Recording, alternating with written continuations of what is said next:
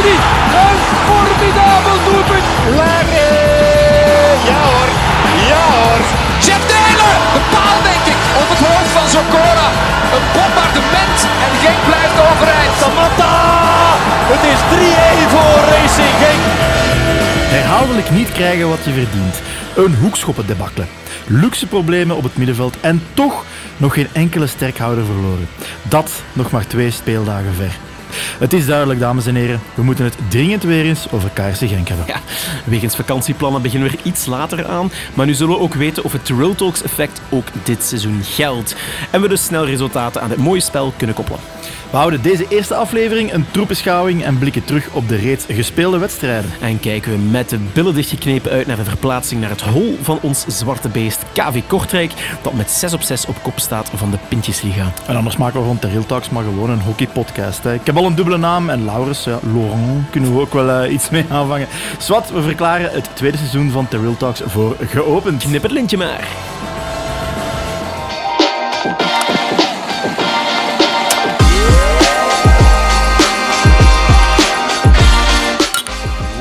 En eh, de eerste fles geuze is bij deze ook al geopend van het seizoen. Eindelijk, ik heb het enkele maanden moeten missen. Eh, het is een gravel geworden. Is het echt geuze? Of, Nee, het eh, is seizoen wel eigenlijk. Hè? Seizoen, niet dat ik er iets van ken. Aflevering 1 van het nieuwe seizoen en direct al onze roots verloren. Allee, roots.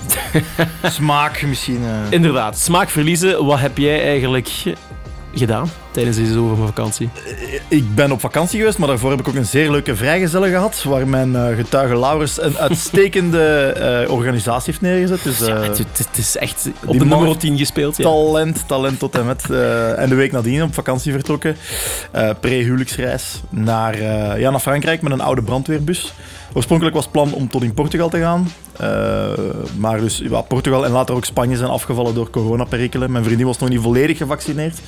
Hi. En zo één spuitje kan wel enorm verschil maken voor ja, allerhande redenen. Maar kijk, Frankrijk, blijkbaar ook wel een vrij mooi land. Mooie dingen gezien, leuke dingen gedaan, goed gegeten. Eh, ik heb kunnen surfen in de oceaan, ik heb kunnen fietsen in de Loirevallei, dat was allebei mooi. Tussendoor heel veel goede wijn, goed eten, mooi weer, mooie natuur. Meestal leuke mensen. Eh, Meestal. Meestal leuke mensen. En leuke mensen brengen ons naadloos bij jou. Eh, wat, wat was uw, hoe, was uw uiteraard. vak- hoe was uw vakantie? Het leven zonder Iets, ko- podcast? iets korter eh, dan die van nu. Een weekje naar Spanje geweest. Mijn ouders hebben daar een appartement. Dus de streek rond Alicante en Elche weer onveilig gemaakt. Ik probeer altijd traditiegetrouw ook een wedstrijd mee te pikken van Elche. Maar dat is, het zat er jammer genoeg niet in eh, ditmaal. Maar goed, ja, opnieuw een beetje, het, een beetje aan het strand. Paella. Paella. Paella. Paella. Ja, ik, ik zeg gewoon paella. eh, als een echte Limburger. Dus nee, het was, eh, het was zeer, zeer genieten. En eh, ja, onze andere... eh, onder ons andere panellid Wim, die zit op dit moment ergens in Duitsland, heb ik gehoord. Dus we gaan het vandaag met ons tweetjes moeten doen. En dan gaan we het eh, natuurlijk hebben over Racing Genk. Want in die laatste twee, drie maanden ja, zijn er toch heel wat ontwikkelingen geweest. Hè? Brengt ons inderdaad bij de voorbije matchen en wat leren ze ons? En ik zie dat we, dat we allebei in onze voorbereiding wat stellingen hebben neergeschreven, of in, in, in de vorm van vragen. Zo zijn we. En elk iets hebben neergeschreven. Dat was niet op voorhand afgesproken, maar Nee. ja, het, het, het niveau van seizoen 2 is nu al eh, onovertroffen. Eh, ik zie bij u staan, tegenstrever, dodelijk efficiënt of wij die slap verdedigen. Ja, Verrijk ons. Ja, inderdaad. Ik zal jullie allemaal eens, eh, eens verrijken. Ik denk dat dit wel iets is waar eh, alle supporters op dit moment consensus over bereiken. En met name dat we gewoon te slap verdedigen. Ehm, ik denk niet dat de tegenstrever per definitie dodelijk efficiënt was. Natuurlijk, Oostende maakt van eh, vier kansen vier goals. Maar goed, het is wel op drie stilstaande fases geweest. Waarbij we ons echt hebben laten ringeloren. Ehm, ik heb genoteerd heel slecht dekken van, uh, van Arteaga tot tweemaal toe. Ook Heine die zich eenmaal laat, eh, laat ringeloren. Ehm, we zagen dat ook al. Hè? Ook een stilstaande fase. Een, een, een hoekschop, denk ik. Tegen Standaard, waar Lifeys mooi, eh, mooi kan binnenkoppen. Ook daar eh, heel slap, eh, slap verdedigd. Ik denk dat het toen van... eh, eens even kijken. Ja, dat het slechte communicatie van, van Heine en Bongonda was. Dus tegen Donetsk twee, eh, twee fouten weer. Munoz penalty fout. En dan eh, ja, ook die laatste goal eh, moeten we ook iets slimmer, slimmer worden. Dus ik, ik zou zo'n beetje zeggen, de drie spelers die op dit moment wat het meeste boter op het hoofd hebben zijn Munoz, Heine en Arteaga. In defensief opzicht bij die, bij die fases. Dus in uw vraagstellingen gaat meer in de richting van dat we toch te slap aan het verdedigen zijn. Ja. Donetsk was niet hyper-efficiënt. en, Nee. en staan daar eigenlijk ook niet. Nee, en, en toch stikken we te, te gemakkelijk goal. En ik heb echt naar de, de doelpunten op zich gekeken. Het is vaak ook gewoon door, eh, door slechte communicatie of niet goed doordekken. Dus Arteaga zit er eh, vaak tussen bij, eh, bij de mensen. Maar zoals gezegd, die boter op het hoofd hebben. Ook vaak dat de bal tussen twee spelers valt, niet goed gecommuniceerd wordt, zoals op standaard tussen Heine en Bongonda. Dus ik denk dat communicatie key is. En ja, dat, dat Van den Brom misschien ook iets minder naïef moet gaan spelen. Maar tegen Donetsk was, het, was het wel al duidelijk beter. Ik heb ook een soort van stelling eh, neergeschreven. En mij, ja, de oorzaak van waarom we nog steeds maar 1 op 6 hebben in de competitie dan eigenlijk. eh 1, 1 op 9 over het bredere plaatje, de Supercup buiten beschouwing gelaten. Ja, is het pech? Ik denk van ja en nee. Vooral die winning goal van KVO, als je ziet hoe die ja, uiteindelijk wordt afgewerkt. Er zijn wel een paar capriolen. Ook dat eerste doelpunt ja, neemt hij daar op de bots mee. Ja, voilà. Dat doet het doelpunt van eh, Filippo Inzaghi tegen Liverpool in de Champions League finale zelfs eh, ja, als, een, als een wereldgoal eh, lijken. Maar ja, op zo'n manier zijn we wel herhaaldelijk ge- gepakt op, ho- op hoekschop inderdaad. Ja, dat is niet meer enkel pech. Dat is inderdaad problemen met de, met de en het, het woord dat, dat terugkwam in de, in de gazette, was tactische discipline. Maar ook de afwezigheid van Paul en John werd veel aan getild.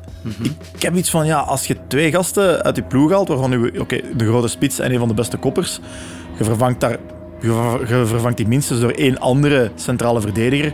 Is dat een excuus om ineens op vier hoekschoppen vier goals binnen Ja, te krijgen? Je mist wel, wel gestalte. Hè. Onuachu is heel belangrijk eh, om die hoekschoppen in de eerste lijn er onderuit te halen.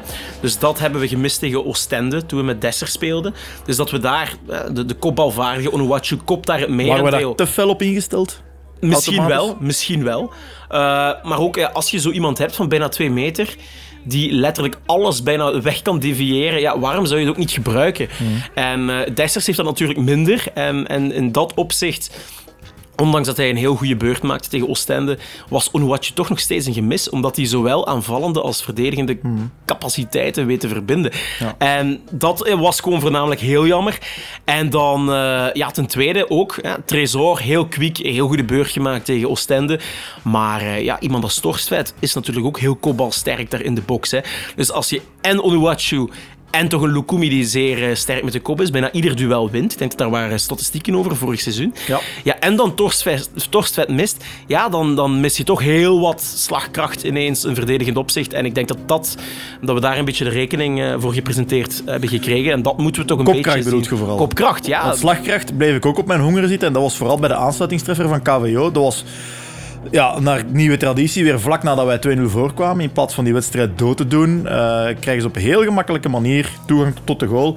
Ik bleef echt verdedigend op mijn, op mijn honger zitten. In, in, ja, het, was, het was precies een, een rij van vier eh Sebastien de Waast die aan het wijken waren.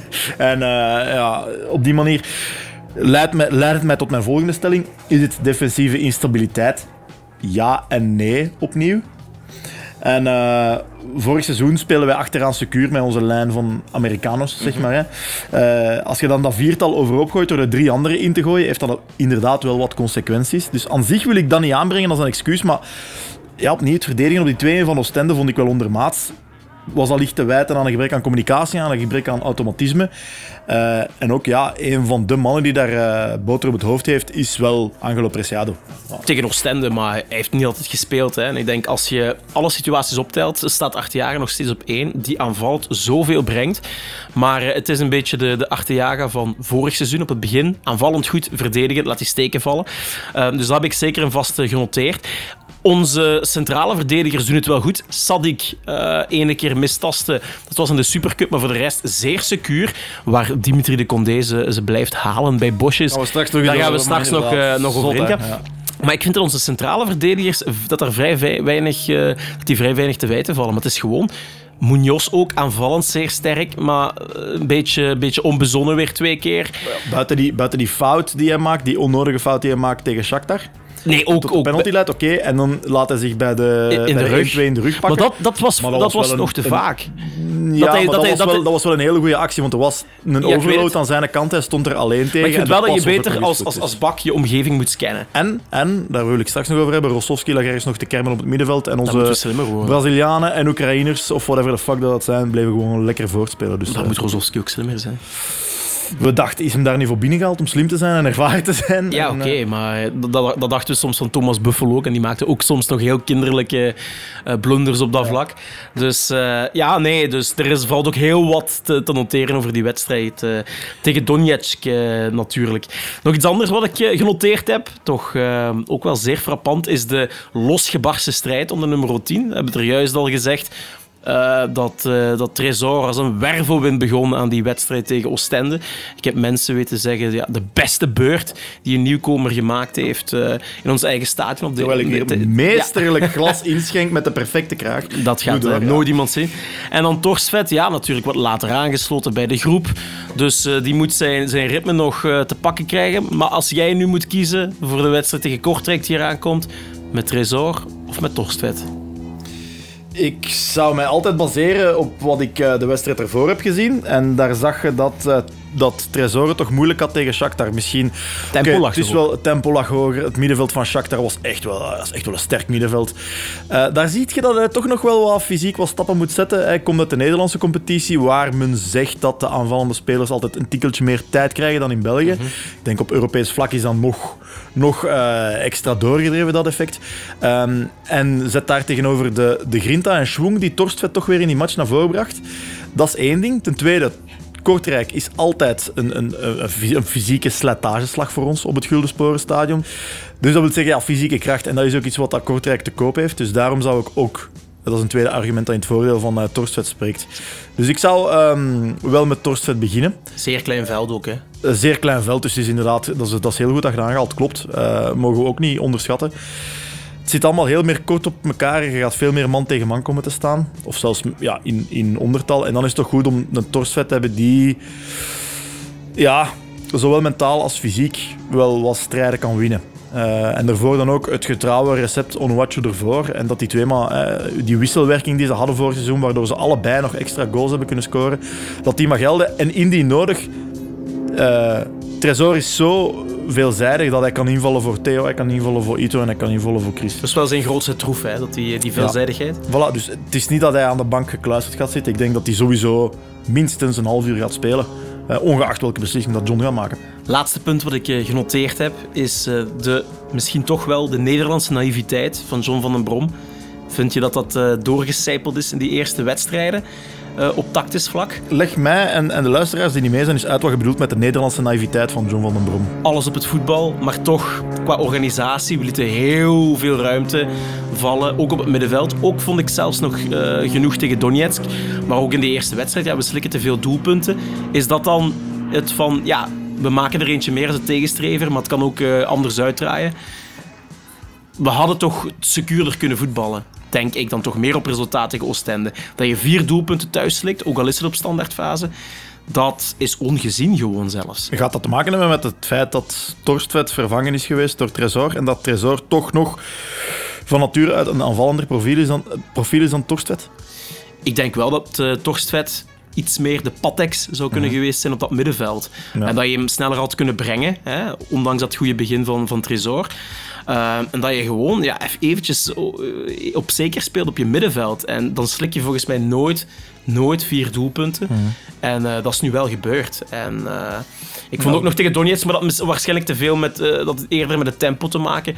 Vond ik dat we veel te veel ruimte nog weggaven tussen verdediging en middenveld. Um, dus, dus ja, ik, ik vind gewoon af en toe een iets pragmatischer voetbal brengen. Kan geen kwaad om, om resultaat af te dwingen. Zouden we gebaat zijn en bij ons, met ons overgestoffeerd middenveld, met daar een, eh, op de zes bijvoorbeeld een mannetjesputter te zetten? Die eigenlijk het middenveld wiskundig in evenwicht kan houden, maar voetbalkundig geldt dat misschien totaal niet. Kijk, type Kouassi, wat er gebeurt als we die man op het veld zetten, dan stoppen we gewoon met voetballen. Is Ja, dat een risico dat we willen lopen? Ja, ja ik, dat is wel een profiel dat we moeten halen. Maar Kouassi voldoet gewoon niet. Uh, maar je moet volgens mij in deze ploeg wel een, een type Ndidi weer terug zien te vinden. Iemand die... Maar dat, dat is natuurlijk al meteen die komt je niet elk jaar Nee, tegen, maar, maar gewoon een, een zeer atletische, fysieke mannetjesputter die gewoon goed het spel kan verleggen. Ik wil een naam. Ja, ik, nu beschikbaar is. Kom, jong. ja jij zit de man eh, op de die, die Ja, altijd... eh, Dimi, is aan het luisteren. Dimi zit Ja, op jij de man die, die, die voetbalmanager altijd afschrijft. Maar ik denk dat dit profiel gewoon eerder er nog bij past dan, eh, dan voor een type Bergen of zo. Ja, Dat want, we nu, wel, wel. want nu moeten we het doen hè, met, dat, met het middenveld dat we hebben. Ja, je gaat altijd wel minstens één defensief georiënteerde speler moeten hebben waarop je kunt terugvallen in geval van counters. Mhm. Is dat Brian Heijnen? Is dat Rossovski? Ik weet dat eigenlijk nog altijd niet. Hè. Ja, nee. Ze moeten, daarmee, ze, ze, het zijn allebei niet echt defensieve spelers van, van opleiding, van, Nee. van inborst, van, van nature. het zijn lage maar spelverdelers. Het zijn lage spelverdelers die op wilskracht eh, kunnen, Ja. kunnen passinglijnen afschermen en, en ballen Maar ik vind afpakken. voor, voor dit soort wedstrijden ja, dat je toch nog een, een zuivere zes nodig hebt. Daar sluit ik me wel bij aan. Ja. Maar ja, dan, dan Eiting we- is eigenlijk opnieuw ook zo'n type. Een, Dus- een lage eh, spelverdeler, Ja, eigenlijk. ja.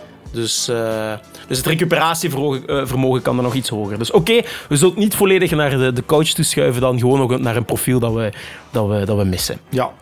Ehm, een stelling die ik ook nog had. ehm, is het fysieke paraatheid of een gebrek aan wedstrijdritme voor veel van die jongens? Want ik heb daar gezegd van ja. Eh, dat dat toch geen onbelangrijke factor is. En, en waar dan onze tegenstanders tot nu toe iets minder last van hadden. Bij ons waren het de drie Colombianen die eh, internationale plicht hadden. Eh, Gerardo, Patrick en Paul. Die hebben allemaal een langer seizoen gehad daardoor. Eh, en die kregen ook wel langer vakantie, misten een deel van de voorbereiding. Dan heb je dus Tresor, wat ik had gezegd, die nog moet wennen aan het fysieke, allee, aan het fysieke gehalte van het, van het Belgische voetbal. Ehm, ik heb de voorbereiding van Standaard en KVO wel iets minder gevolgd, dus ik weet niet hoe zij daarin staan, maar ik vermoed dat zij wel minder internationals hebben dan wij, de voorbije zomer. Ehm, ik ga mezelf wel al meteen tegenspreken. Tegen Standaard haalden we dan weer wel dat oververdiende punt eh, pas in extremis binnen. Ook al was het met twee invullers, hè, Eiting en Dessers, die daar het verschil maken en, en Theo eh, op een schoteltje de gelijkmaker aanbieden. Maar dus ja, het feit dat het met twee invallers was, bevestigt dat punt dan wel. Ja, zijn we fysiek misschien nog niet top en willen we wel een soort voetbal spelen waarvoor je fysiek 100% moet zijn, waar je naartoe groeit in oktober, ik vond, ik zeggen. vond ik, het gaat het eerder met vorm te maken hebben, met de automatismes die er al zijn tussen de spelers. Maar ik vind dat het fysiek wel heel goed is. Ehm, als ik zie hoe Munoz, ondanks dat hij uh, heel wel aangevreven wordt door die twee individuele fouten, speelt hij de perfecte wedstrijd. Ja, absoluut. Die was in de 90ste minuut nog voorin te vinden. Dus fysiek vind ik is er geen enkel probleem. Het is gewoon zo dat je je voorbereiding hebt aangevat met een groep spelers, met eh, Bongonda, et cetera, die er van het begin bij waren. Ja, en die zijn al wat meer gerodeerd. Spelen ook niet allemaal. Hè. Eiting mag nog maar enkel invallen. En dan nu ga je gewoon uh, jongens meteen in de ploeg droppen van vorig jaar. Maar je bent ook niet meer volledig dezelfde ploeg. Sadik, die heeft het, het begin van de voorbereiding meegemaakt, heeft ondertussen zijn vaste basisstek. Dus die hele communicatie, die moet nog, die moet nog goed vallen. Uh, die hele automatismes moeten nog, moeten nog klikken, zoals Knex. En dat is op dit moment nog niet het geval. En daardoor kijk ik wel uit naar wat deze groep kan over uh, een maand of twee. En ik denk ook wel dat dit uh, crescendo zal gaan. En uh, dat zie je ook vaak bij, bij andere topploegen. Hè. Brugge had dat ook vorig jaar. De schade beperken in september en dan op, op Ja, kruissnelheid ja, er er geraken. en ik ben, er is nog altijd, uh, nog altijd geen probleem met Racing Ja. Genk. Wij moeten nog gewoon nog op kruissnelheid geraken. Maar het is wel broodnodig dat we nu punten gaan oogsten. Of anders pakken de donkere wolken weer samen. En vrees ik dat er weer op basis van emotionaliteit beslissingen gaan gemaakt worden. Misschien ofwel bovenaf, uh, van, boven, van bovenuit, ofwel door Van den Brom die dan even timide wordt. Dus dat wil ik gewoon vermijden. Dus het is eventjes gewoon zaaks voor, uh, mm. voor gewoon uh, verder te bouwen. En ik ben ervan overtuigd dat met deze groep dat we binnen enkele weken weer onder de mensen staan. Ja, ik ben er zeker mee akkoord. Ik denk dat we zeker, allee, ik wil ook wel tot kalmte prediken. Na die 1 op 9 gaat er ook nog steeds niemand twijfelen aan John van den Brom. Hij heeft de, heeft de beker gehaald. We, we, we waren de beste ploeg van play-off 1 uh, vorig, vorig seizoen. Heeft momenteel voldoende krediet en, en ik denk dat iedereen er wel vertrouwen in heeft. Maar ik ben ook wel mee akkoord dat het niet te lang mag gaan duren. Hè, dat we niet zo in een Anderlechtiaans uh, ja, paradox gaan terechtkomen dat we wel heel goed voetballen. Uh, maar geen wedstrijden winnen of geen res resultaten halen. Waar zij ook echt enorm veel last van hadden vorig seizoen. Dus daar moeten we wel voor waken. Uh, ja, beste remedie daartegen is natuurlijk winnen op Kortrijk. Maar ja, Eh, dat moeten we, dat gezegd hebben we wel vaak moeten doen. Hè? Dus, Dat hebben we eh, al heel vaak moeten doen. Dus, voilà. eh, En ja, we gaan daarvoor moeten rekenen op eh, Paul Onuachu onder andere. En dat is nog één stelling die ik had op, opgeschreven voor misschien de, ja, de mini-Malaise waar we in zitten, of de, of, of de situatie waar we nu in zitten. Rekenen we te veel op Paul Onuachu? Ja, het is natuurlijk... eh, je hinkt een beetje op twee gedachten. Hè. Je weet nooit of hij gaat blijven, maar ik vind... Zolang het blijft bij geruchten, en ik heb enkel geweten dat West Ham, ik denk 13 miljoen, wat een schabouwelijk laag bedrag is, geboden heeft, blijft het windstil rond hem. En vind ik ook gewoon dat je in deze fase van de competitie nog mag, mag voorbouwen op vorig jaar met eh Onuachu dan de spits. Het zou te gek zijn om op basis van geruchten of rumoer eh, toch ineens vol op de kaart van Desters te trekken. Want ook daar ben je nooit 100% zeker van hoe het er binnen, binnen, binnen een maand uitziet. Hè. Wie weet wat er gebeurt als die jongen iets heeft van ja, ik, ik, ik weet toch niet of dit mijn seizoen bij Racing Genk eh, wordt en er komt ineens een andere uitweg, is die misschien ook weg. Dus ik vind in deze fase van de competitie moet je gewoon starten met de, de beste elf. Kijken naar wat de automatismes zijn. En dan heeft Onuwachu nog steeds een stripje voor op, eh, op Dessers. En eh, ja, Onuwachu, die, dat is een speler die is er... eh, die is er twee waard, hè. zowel defensief als offensief. En als hij dat kan, mag je erop rekenen. Want hij creëert zoveel ruimte voor onze vinnige flankspelers zoals Ito. Dus ja, belast Onuwachu maar met een, een waslijst aan taken. Ik vind dat niet erg, want die creëert ruimte voor de rest. Ja, zijn er nog geruchten rond Onuachu buiten West Ham? Ja, Sevilla, maar dat is altijd eh, eind augustus dat die afkomen met eh, de Mars en de sneakers voor Ja, beste wa- speler. waarschijnlijk weer om eh, iedere maand eh, 5 euro af te betalen. Ja. Inschrijven. Zoiets. Dus, Nee, maar oké. in conclusie, ja, Racing Genk momenteel. ehm, ondanks dat ik enorm verbitterd was na die verloren match tegen Oostende. eh, en ik was eerder gelaten na de match van dinsdag tegen Shakhtar. Heb ik er wel nog vertrouwen in. Eh, er zit een pak muziek in dit elftal. Misschien meer zelfs dan vorig jaar. Ja, eigenlijk op papier wel meer dan vorig jaar. We moeten die coupletten gewoon nog naadloos aan elkaar spelen. Ehm, er zijn een paar straffe muzikanten bijgekomen, om het eh, in, in die termen te, te blijven zeggen, die we dadelijk onder de, onder de loep gaan nemen. Dus het orkest moet gewoon nog aanstaan, maar ik heb er echt... Ik heb, wel, ik heb al heel lang niet meer zoveel vertrouwen gehad in, in, eh, ja, in, in de spelerskern en technische staf als aan het begin van dit seizoen. en dan wordt het nu tijd om die straffe muzikanten in zonder de loep te nemen. We zullen maar beginnen met die waar we het warmste van krijgen.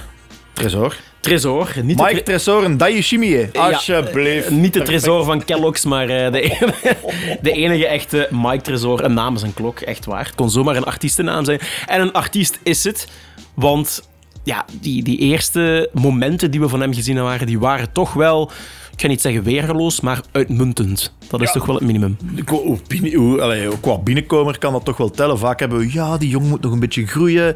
Heeft het wedstrijdritme van een grijze garnaal. Die boy komt hier binnen, die begint daar dribbles te zien die we niet meer hebben gezien van, van ja, sinds Leon Bailey, durf ik, durf ik zeggen. Die had ook zo die, die, die, die ja, elusiveness, gelijk ze in het Engels zeggen, om, om zowel zijn tegenstander als het publiek en misschien een beetje zichzelf te verrassen. Ah, er, er, er zit zoveel kwaliteit in die jongen. Spelinzicht komt, koppelt hij daar nog eens aan. Dus die, die, die, die goede pas. Ehm, ik vind hem ook op de eerste meters verbazingwekkend snel. En ook met zijn eerste controle kan hij al vaak één of twee man uit de wind zetten. En dat, dat vind ik heel, een heel leuk detail. Ik was, ja, ik was voornamelijk verrast door die, die goede passing. Ik dacht echt, Tresor, weer eh, ja, een kwieke tien of een flankspeler. Iemand die een man voorbij kan.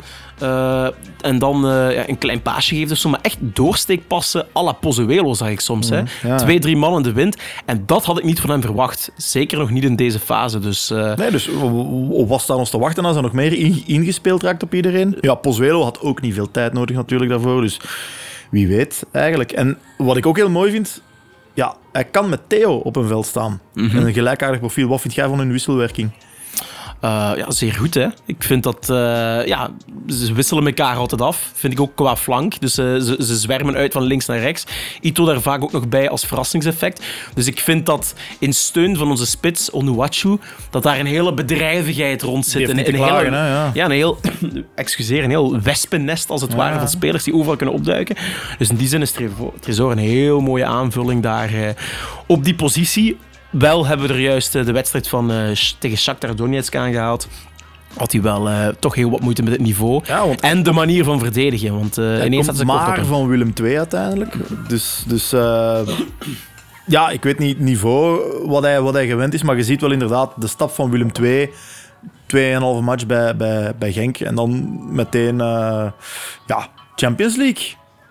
Dat is misschien toch iets, iets, te zwaar om meteen al die stap te kunnen zetten en overal die Ik kwaliteit vond te hem voornamelijk heel ehm, licht aan de bal. Dus van zodra er een bodycheck kwam van een verdediger van Shakhtar, vloog hij bij wijze van spreken vijf meter vooruit. En dat hadden andere spelers minder. Dus ik had echt het, ge- het gevoel van, hier zit talent voor mij, maar op fysiek vlak misschien nog niet eh, op Europees niveau. Dat mag misschien nog wel wat, eh, hij mag wat peziger worden eh, op dat vlak. Hij kan de gym ingaan met Torstvet. hè. Ja, inderdaad. Kan zeker doen.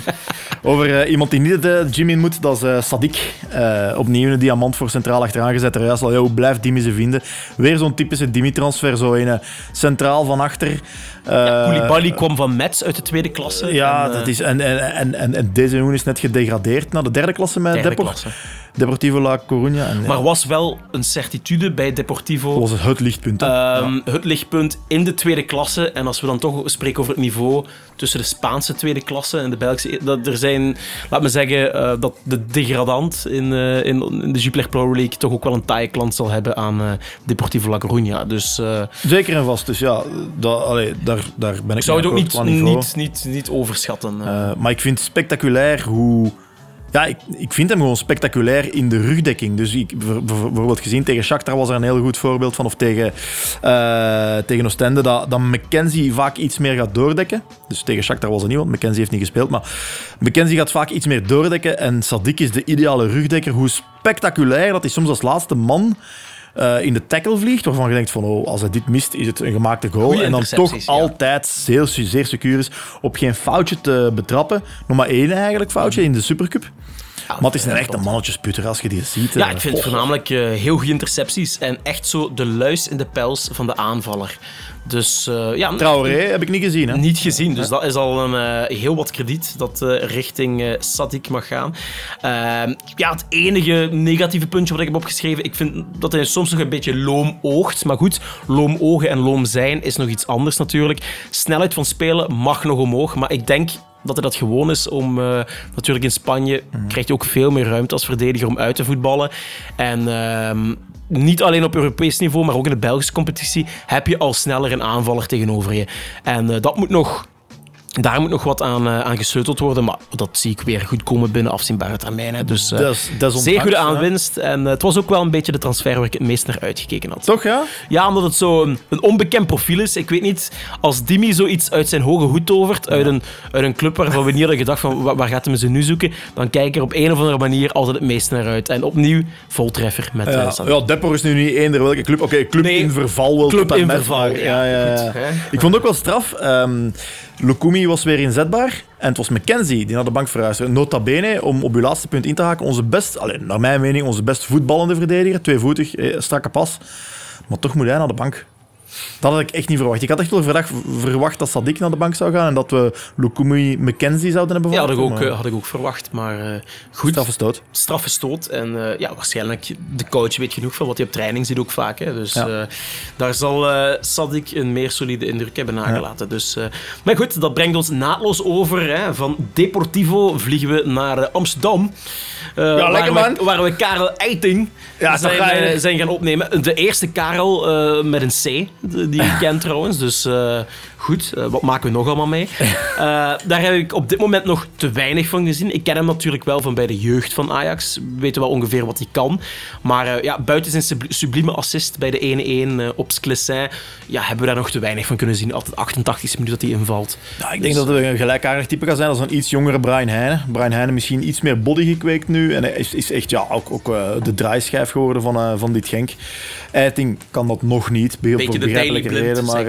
Maar, in Amsterdam. Daily Blind type, ja. Dat- ja dat voordat hij naar de rechtsbak is eh, gegaan. Ja, ja, ja. inderdaad. Ja. Ja, ik vind het een heel interessant profiel. Ik denk ook een wissel op de toekomst. Ehm, moet ja, in wiens schoenen treden, dat is nog moeilijk te zeggen. Het is weer een type waarvan we er heel veel hebben en zorgt alleen, ja, voedt alleen dat luxe probleem op het middenveld alleen meer. Dus, dus, maar oké, het is echt een klasse transfer uit de Class of 2019 met eh, Frenkie de Jong en Matthijs de Ligt als eh, primussen van de klas. Dus die jongen kan wel wat. En hebben we ook gezien dat, die, dat hij wel, hè, dat paasje op, eh, op Dessers, die pre-assist, ja, dat getuigt toch wel dat je dat je iets durft. Dus een beetje, ja, zo'n beetje van die Nederlandse brani. Ja. Ja, dat kan ik wel hebben zo. Je hebt het net eh, gezegd, hè, Frenkie de Jong, de licht en dergelijke. Natuurlijk, hij is wel geremd door blessures. Mhm. Eh, is dat toch een major concern, of niet? Nee, ik denk het niet. Kijk naar Brian Heijden, die heeft dan aan elke knie zijn banden overgescheurd en kijk op wat niveau dat hij speelt. Mhm. Dus ik denk dat we, eh, elk, elke persoon, iedereen is een uniek Is ook snow- geen explosief type. Nee, dus. iedereen is een uniek snowflake. dus, dus iedereen reageert anders op blessures. Ehm, ik denk gewoon voor hem, eh, Karel, hij is sowieso aan het luisteren nu, daar twijfelen we geen seconde aan. Eh, gewoon min- minuten sprokkelen. Laten we daar even mee, mee, beginnen voordat we echt een, een doorgronde analyse kunnen maken. Maar Skinner had ook misschien niet het schoentje. Ik weet niet. Hij lijkt mij vrij ongeduldig. Eh, hij was ook ingevallen, en dat vind ik ook goed vaak. Eh, maar op Sclessin gaf hij toch ook alweer zo'n redelijk dubbelzinnig eh, interview. Dat hij toch alweer op meer minuten had gehoopt. We willen toch ook geen verhaal Hagi of zo krijgen. Hè? Dus om daaraan herinnerd te worden van Ja. jongens die het wel in zich hebben, maar die dan te, ja, die dan zichtbaar nerveus worden dat ze niet aan het spelen toekomen. Want ik kan me ook wel goed in de schoenen plaatsen van zo'n Karel Eiting. Hij zet eigenlijk een stap terug van Ajax naar eh, Genk. Heeft bij Ajax klopt het toch wel aan de, aan, aan de poort voor, eh, voor, voor basisplaats. Ja, kwam, kwam er niet uiteindelijk door. uit goede bron vernomen dat hij echt wel tekort schoot voor, de, Ah, voor, oké. de, voor het echte... Voor het echte Ajax, Ja, ja, ja. oké. Maar ik denk wel dat de jongen hier zit met, met, met een idee van... Ik had mij misschien al in de, de basisploeg verwacht. Zou die nerveus worden of Het niet? is een beetje het, is een beetje het gevoel, eh, toen, A- toen Eiting vertrok bij Ajax, is ongeveer hetzelfde gevoel wat wij hadden toen Uronen vertrok naar Brest. Iedereen houdt van die jongen, iedereen, ah, ik gun die jongen die transfer en, en, en eh, allee, iedereen gaf zijn zegen erover. Hetzelfde bij Eiting. Iedereen zei, ah, jammere transfer, goede transfer voor Genk en dit en dat. Dus op ons niveau kan hij dat wel doen, maar ja, moet nog niet te veel eisen. Het, we werden gelauwerd omwille van ons middenveld vorig seizoen, dus je kunt het niet verwachten. En ik denk dat Eiting ook wel slim genoeg is om dat te weten, om niet zomaar eh, te zeggen, oh, ik ga even Heinen uit de ploeg spelen, of ik ga even Rosowski uit de ploeg spelen, want dat zijn net twee ja, ankers van het middenveld die we echt nodig hebben. Dus ja, gewoon geduld hebben, minuutjes blijven, blijven sprokkelen en maak dan het verschil. Als hij morgen, eh, als hij, als hij op Kortrijk invalt en hij geeft twee assists en hij is ingekomen voor Rossowski, ja, dan kan het kwaad al geschied zijn voor de match erna. Maar hij moet het gewoon match per match herbe allee, herbekijken. Bekijken gewoon. Gewoon best blijven doen. Af en toe in het rood gaan. En dan komen we bij Juklereut.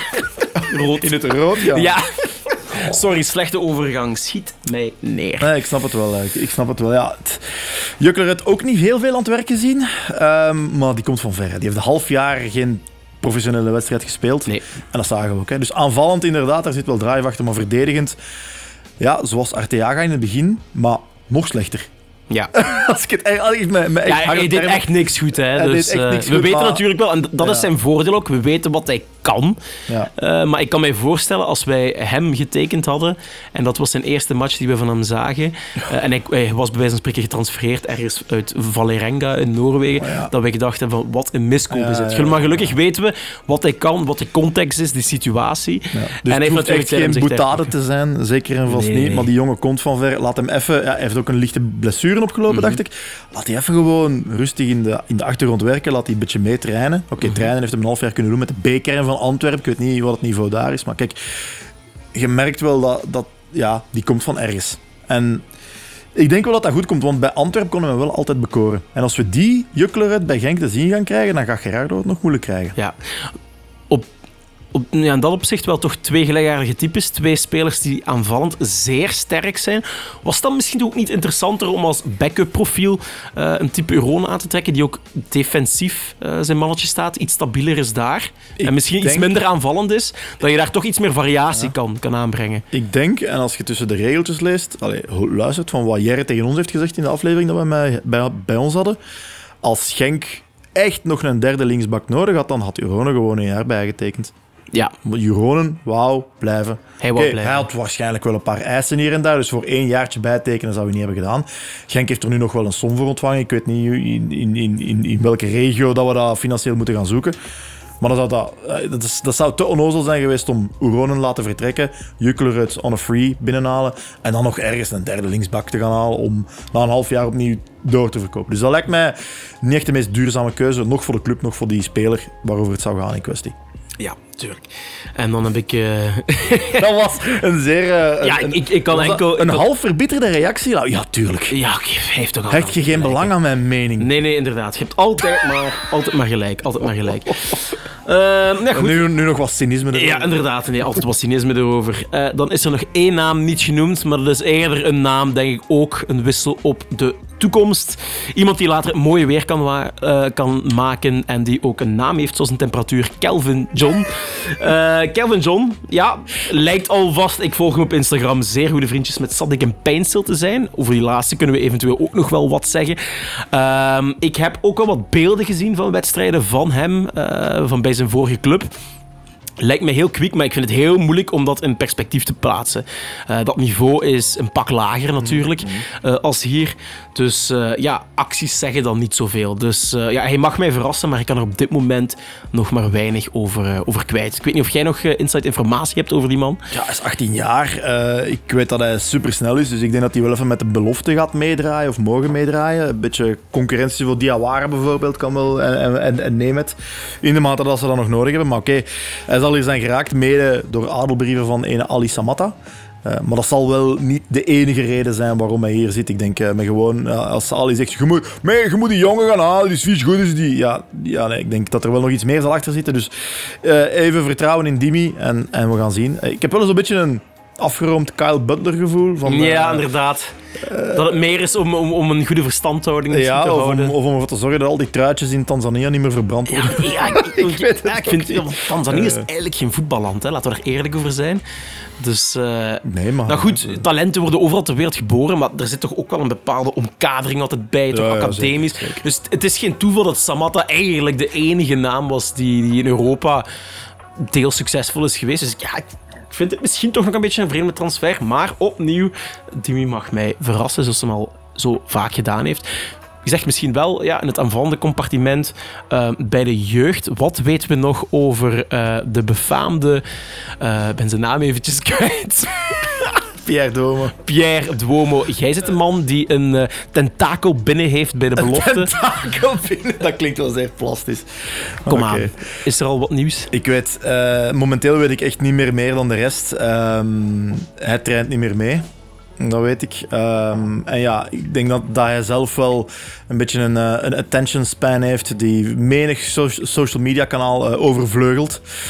Loopt te dwiepen met eh, het account van Noah Lang en dergelijke. Maar ik denk wel dat veel Belgische clubs twee keer gaan nadenken vooraleer ze hem gaan inlijven.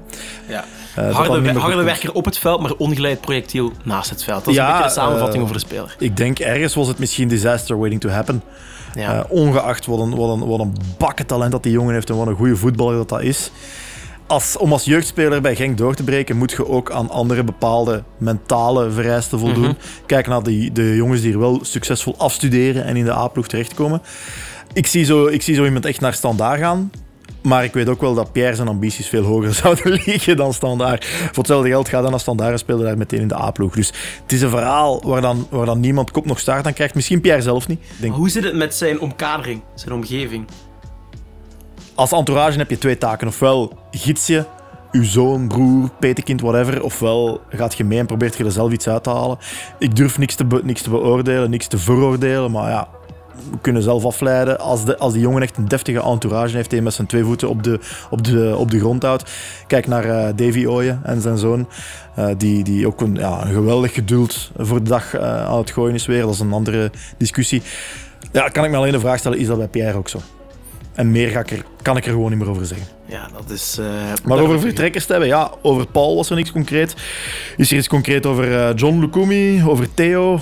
Er zijn zo weinig geruchten gaande. Ik denk wel, ja, moest er een eventuele uitschakeling volgen, zij het eh, nu komende week tegen Shakhtar of daarna tegen, tegen Monaco of eh, Sparta, ehm, gaat het dan allemaal in een stroomversnelling komen? Allicht wel. Als we geen Champions League halen en zelfs al zeggen we, kijk, we hebben Europees voetbal tot, tot aan, de, tot aan, de, de, ja, tot aan kerstmis. Daar zijn we nu al zeker van. Dat is een vrij unieke situatie voor ons. Daar hebben we nog niet vaak ingezeten. Is dat genoeg om die boys te overtuigen? Maar kom, blijf nog een half jaar. Schiet er even in de Europa League. Kun je ook een mooie transfer mee maken? Of waren ze zo gebrand op die Champions Ja, League? ik, ik heb wel... eh, In deze fase wil ik liefst duidelijkheid. Ik wil niet weer in een overgangsseizoen terechtkomen waarbij we een volledige kern ter beschikking hebben tot en met de winter. En dan opnieuw aan een eh, ploeg moeten timmeren voor na nieuwjaar. Dat is nog nooit goed afgelopen. Ehm, daar, daar zijn weinig succesverhalen, succesverhalen van, eh, van geweest. Dus eh, in die zin wil ik gewoon duidelijkheid voor het aflopen van, eh, van de zomertransferperiode. En met die kern is het. En dan vind ik ook dat met de winter dat er afgesproken moet eh, worden met spelers. Pas in de zomerstop mag jij een, eh, een move maken. En dat, dat kan je wel onderhandelen. Ehm, maar ja, ik, ik, ik kijk voornamelijk naar eh, Paul Onuachu voor die stap te zetten. Ik, je blijft op hem rekenen zolang hem er is, maar, je, maar een glazen bol heb je nooit.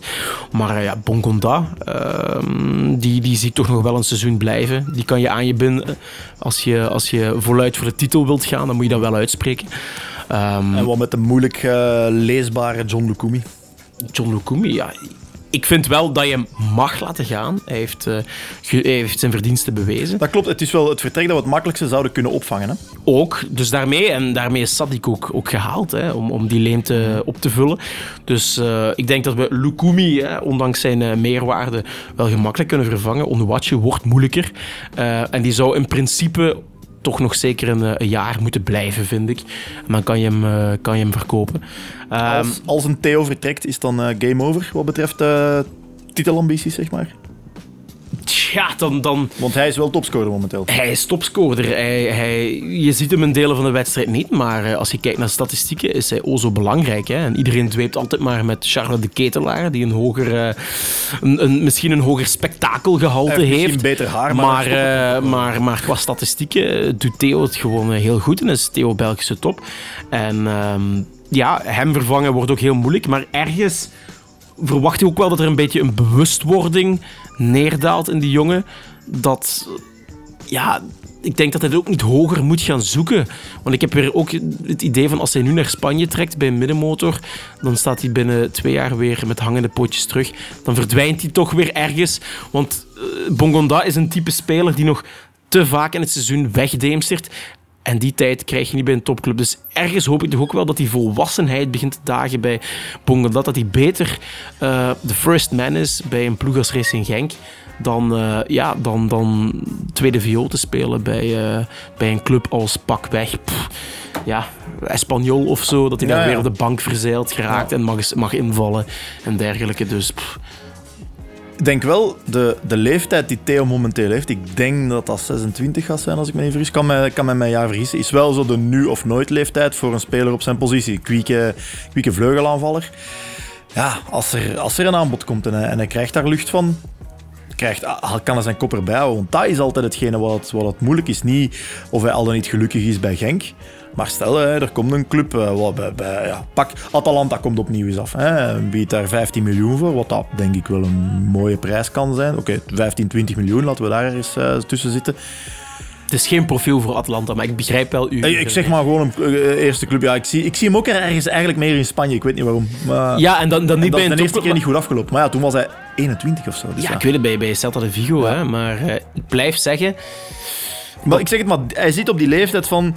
Als ik opnieuw wil proberen Europese subtop ergens spelen, ergens eh, La Liga bijvoorbeeld, of misschien Marseille bijvoorbeeld, ik zeg maar iets, in, in hoeverre dat dan nog een topclub is tegenwoordig, eh, nu of nooit op die leeftijd. Is dat niet Ja, iets wat hem ook kan natuurlijk, drijven? natuurlijk, dat kan hem drijven. Maar eh, ik denk Theo, Theo Bongonda is wel een, een, een type speler dat van zodra er geruchten zijn, dat hij daar wel eh, in kan meegaan en twee wedstrijden niet presteert. Maar van zodra dat afgelopen is, dan kan je ook weer op hem inpraten. Het is een heel emotionele jongen, denk ik. Dus eh, het belangrijkste is gewoon dat je zo'n spelers een doel voor ogen eh, kan blijven houden. En dit is toch weer een jaar, vind ik, dat we kunnen oogsten. Club Brugge is niet meer het Club Brugge van twee jaar geleden. Het is ieder jaar toch een beetje minder, ondanks de voorsprong die ze in de reguliere competitie hadden uitgebouwd. Ehm, Antwerp is te snel groot geworden. Vind ik een beetje gekochte kwaliteit.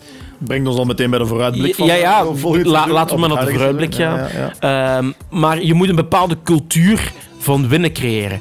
En Antwerp heeft dat nog niet genoeg om, eh, op, op lange termijn in zo'n seizoen een rol van betekenis te spelen. Voor echt top 2 te zijn. Ze vallen dan te veel weg.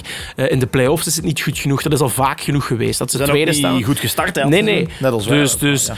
Anderlecht is de, de eeuwige ploeg die in het proces zit. Hè? Eh, Ja, eeuwig zou ik nu niet zeggen. als nee, ze zijn al 34 landstitels beter. Nee, nee, maar ik bedoel, hè, sinds de, Sinds de, de Paleisrevolutie. hè. Mooi gezegd. Ehm, sinds de Paleisrevolutie. Een club in, eh, in, die eeuwig, eh, maar op een zeer trage manier in crescendo gaat.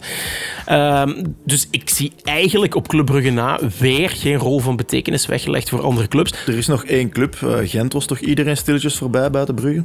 Ja, maar Gent, Gent is ondertussen al zoveel, zoveel, zoveel clubs voorbij dat ze terug langs achter binnenkomen. dus eh, dat, dat, dat is AA Gent. En eh, ja, standaard, ik heb het woord duiventil volgens mij 25 keer Ik heb, u, ik heb uitgesproken. u vorig seizoen drie keer zeggen, ja, standaard, dat is een club in verval. Dat is, die, die kennen piekmomenten in een seizoen op basis van van enkele spelers die opstaan, het publiek wat erachter gaat staan. Maar er is nooit genoeg basis, nooit genoeg fundamenten. Die zijn te poreus, die zijn te broos om op voort te bouwen. En daarom zeg ik opnieuw dat het tussen Club Brugge en Racing Genk gaat. En eh, we zullen in play-off 1 zien wie, wie de sterkste is. En als wij de kloof niet zo groot laten worden dit seizoen, en dan moeten we er nu wel gaan opletten, dan eh, wordt het een heel leuke nek-en-nek-race tussen beide clubs. Ja, ik denk wel inderdaad. Ik sluit me er wel bij aan. Antwerpen heeft heel goed ingekocht. Is, is zo wat, hè, ze worden vaak... We hebben al een Bayern van België. Hè. We hebben dan ook nog een instituut, is het, Paars, het Paarswitte Instituut. Nu hebben we blijkbaar ook een PSG van België. Eh, heeft, nog, eh, heeft al sinds mensenheugenis geen titel meer gewonnen, maar dankzij kapitaalinjectie na kapitaalinjectie eh, kunnen, zij, kunnen zij daar eh, namen beginnen aantrekken. Ik heb on- on- on- onlangs gehoord dat ze de, de linksback van de nationale ploeg van de VS hebben binnengehaald, eh, die, die net de Gold Cup heeft gewonnen. Ja, dus die zijn maar namen aan het binnen, Bjorn Engels en dergelijke. Allee, dat, is, Dat zijn allemaal, dat zijn allemaal, goede spelers. Maar inderdaad, er zit geen cultuur van winnen in. Nee. Ik vond ze Europees. Heb ik nog wel genoten van Antwerpen, moet ik wel zeggen. Dus ik wil zien hoe ze het er dit seizoen van gaan afbrengen, Europees. Om opnieuw een seizoen te spelen op die, op die beide fronten, Europees, een rol van betekenis. En je zal zien, ze worden weer vierde of zo. Want ze ambiëren, eh, ze ambiëren de titel. En daar is niks mis mee, maar... Allee, Ik, ik vind dat er te weinig echte strategie op lange termijn in zit. Eh, ze kopen die namen die wij niet meer zouden halen. Een Bjorn Engels zouden wij niet tekenen. Ehm, ze halen te veel van die spelers die op een top zijn, nu in de Belgische competitie. Ze proberen daarmee Club Brugge wat naar de troon te steken, maar Club Brugge heeft inderdaad meer die cultuur van binnen. Kunnen zo'n spelers gestaag inpassen in al een winnend team. En om dat te creëren, zo'n machine, daar heb je jaren voor nodig. En Antwerpen heeft die cultuur niet. Dat, dat, is, dat zijn individuen die samen nu eh, in een ploeg gegooid worden. En dat, dat, dat moet je bouwen. PSG eh, is ook zo'n eh, bijeengekochte ploeg geweest. Die zeiden ook nadat ze een immense kapitaalinjectie hadden gedaan. Wij willen volgend seizoen al de Champions League winnen. Het is nooit Nee, nee, nee. gebeurd. Dat is niet gebeurd. Want dat gaat niet. Je moet eerst echt een instituut zijn alvorens je dat kan. Eh, je moet eerst een soort van machine hebben al. En Club heeft dat nu gehad met enkele jaren op rij. Van Aken, Vormer in het hart te hebben. Altijd spelers in te passen. En Antwerp heeft dat niet. niet meer, want ze hebben inderdaad Refailov en, en, en Bocani. Ja. Twee redenen waarom men Maar ze hebben daar de beker mee gewonnen, maar ook geen titel. Nee, voilà. Dus dat staat er niet. En daarmee durf ik opnieuw eh, stellen, Antwerp gaat opnieuw derde of vierde worden. En het gaat gewoon tussen, tussen ons en Club. En dit jaar is Club te pakken, want Club is weer minder. En daarom moeten we nu eh, de kloof zo snel mogelijk dichtfietsen en dan zie We moeten ons inderdaad niet laten vangen zoals vorig, vorig seizoen, toen Club ook slap gestart is geweest. Oké, ze hadden wel die, die immens goede run rond nieuwjaar, waar wij de rol hebben moeten lossen. Maar inderdaad, als we nu op tijd wakker schieten, dan denk ik ook wel, geloof ik wel aan een tweestraat. Ik zie, ik, ik wil Anderlecht nog steeds niet, ehm, titel denk ik niet, maar die gaan wel een serieuze contender zijn. Herinner u hun, ehm, hun eindsprint in play-off 1, alleen naar play-off 1 eh, vorig jaar, eh, waar ze eindelijk wat resultaat zijn beginnen koppelen. Maar dat was ook wel dankzij een match die echt wel ja, de Belgische competitie. Allee, ik, durf, ik wil hem niet overhypen, maar ik durf wel te zeggen de Belgische competitie als enkele spits wel begon te overstijgen. En hij is weg Eh, natuurlijk. hij is weg natuurlijk, voilà. En hij heeft na- nadien ook getoond op het, op het WK voor de, voor de belofte ja, dat hij daar ook kon staan. Dus oké, andere discussie, maar ik denk inderdaad twee strijd, maar ik denk dat Anderlecht wel nog een scherprechter kan zijn. Hoewel zo vroeg in het seizoen moeten we gewoon zien te winnen van Kortrijk. En dat is nu zaterdag. Nu zaterdag om eh 20 uur 45, kwart voor 9 beginnen we daaraan. En eh, ja, dan hoop ik dat we de Gulden Sporenslag eens eindelijk winnen. Ja, mag wel eens gebeuren. Kortrijk 6 op 6 gestart. Eh, ik denk in Kortrijk zijn ze allemaal aan het roepen stop the count. Ik denk dat, dat, dat, dat men daar de, de, de gebouwen van eh, de, de voetbalbond is aan, is aan het eh, bestormen. Maar wel goed bezig. Op de eerste speeldag hebben ze zich niet laten verrassen door Promovendus Serrain. Dat is altijd moeilijk beginnen tegen een Promovendus. 2-0. Eh, vrij goed gedaan. En dan op de Bosuil in de slotfase de volle buit meegegraaid. Je zou denken, oké, op met een gelukje, maar Beide ploegen hadden kansen, maar ik denk toch wel dat, dat Kortrijk net iets meer kansen had. Het was een mooie individuele actie van uh, Selemani, die gaan we in de gaten moeten houden, die het lot bezegelde eh, van, An- van Antwerpen. Ehm, dus ja, ze voetballen een beetje op een, op een wolk of een wolkje. Eh, en wij daarentegen, wij, zitten nog niet in de wolken, we zitten wel op, op, een straaljager. En we weten nog niet zeker of die, met, met wat voor hoogte dat die omhoog het gaan is, met wat voor hoogtegraad dat die omhoog aan het gaan is. Ehm, ik vind het altijd moeilijk, Ginder, eh, dus ik ga de traditie in ere houden en ik hou het helaas op een 1-1. En ik ga eens verrassen, ondanks mijn eh, permanente zwartgalligheid in dit leven. Zeg In ik, het leven? Ja, zeg ik. ergens over praten? Ja, inderdaad. Eh, nee, zeg ik gewoon 1-2. Het is van te moeten. En dan vind ik toch dat je zo'n wedstrijd op, eh, op Kortrijk anders gaat aanvatten. En meestal spelen we daar op zo'n... eh, ze zeggen wel eens een cold rainy night in, eh, in Stoke. Ja, ja. Wel, bij ons is dat het cold rainy night in het Gulden Sporenstadion. En dat gaat nu anders zijn. De- er is focus, het moet, men weet wat er, ja, wat, wat, er, wat, er, wat, wat, wat er op het spel staat. Dus ik denk gewoon dat het nu op basis van kwaliteit beslist gaat worden. En Onuachu gaat eentje mooi overhoeks binnenkoppen. En dan gaan wij eens eindelijk een eh, penalty meekrijgen. En dan mag, eh, mag Bongondam afmaken. 1-2. Lekker. Dan zijn we helemaal rond. En zo is seizoen 2 van The Real Talks ook op gang getrokken. Het is een beetje gek, want ik had nooit gedacht dat we hier zelfs zouden geraken. Eh, we werden al bijna gelyncht tijdens de zomerstop. Desalniettemin blij om hier weer te zitten eh, en verwacht om The Real Talks in het tweede seizoen als podcast alleen maar te zien groeien. Een volgende gast kunnen we echter nog niet aankondigen, maar wie de laatste aflevering van vorig seizoen heeft beluisterd, weet al wie er min of meer zijn goedkeuring heeft gegeven. Hopelijk lukt dat ook met zijn agenda. Als je in de tussentijd nog feedback of tips voor ons hebt, laat het maar weten. Wij zijn immers ook nog steeds op ontdekkingsreis als podcasters. Contacteer ons via Blauw-Wit of op onze Facebook- of Twitterpagina. En we zitten sinds kort, eh, vandaag zelfs, op eh, Instagram. Eh, de handle, zelfs niet. voilà, de, de handle is The Real Talks, aan elkaar geschreven. We zijn daar nog volop op zoek naar volgers en weten dat er onder onze luisteraars wel een pak zitten. Zeker doen, want dat is eigenlijk een ideaal medium voor zoiets nu en dan een Q&A te doen, om maar iets te noemen. Ons tracteren op een geuze mag ook nog steeds op buymeacoffee.com slash. Elke gift helpt ons om de kosten die deze zomer gewoon zijn blijven doorlopen te dekken. We spenderen dat heus niet gewoon aan bier, eh, ook een beetje aan andere huishoudmiddelen en zo en eh, brood. In ieder geval, eh, fijn dat jullie ook in ons tweede seizoen komen vergezellen. Maar voor nu, bedankt voor het luisteren. En tot de volgende The Talks.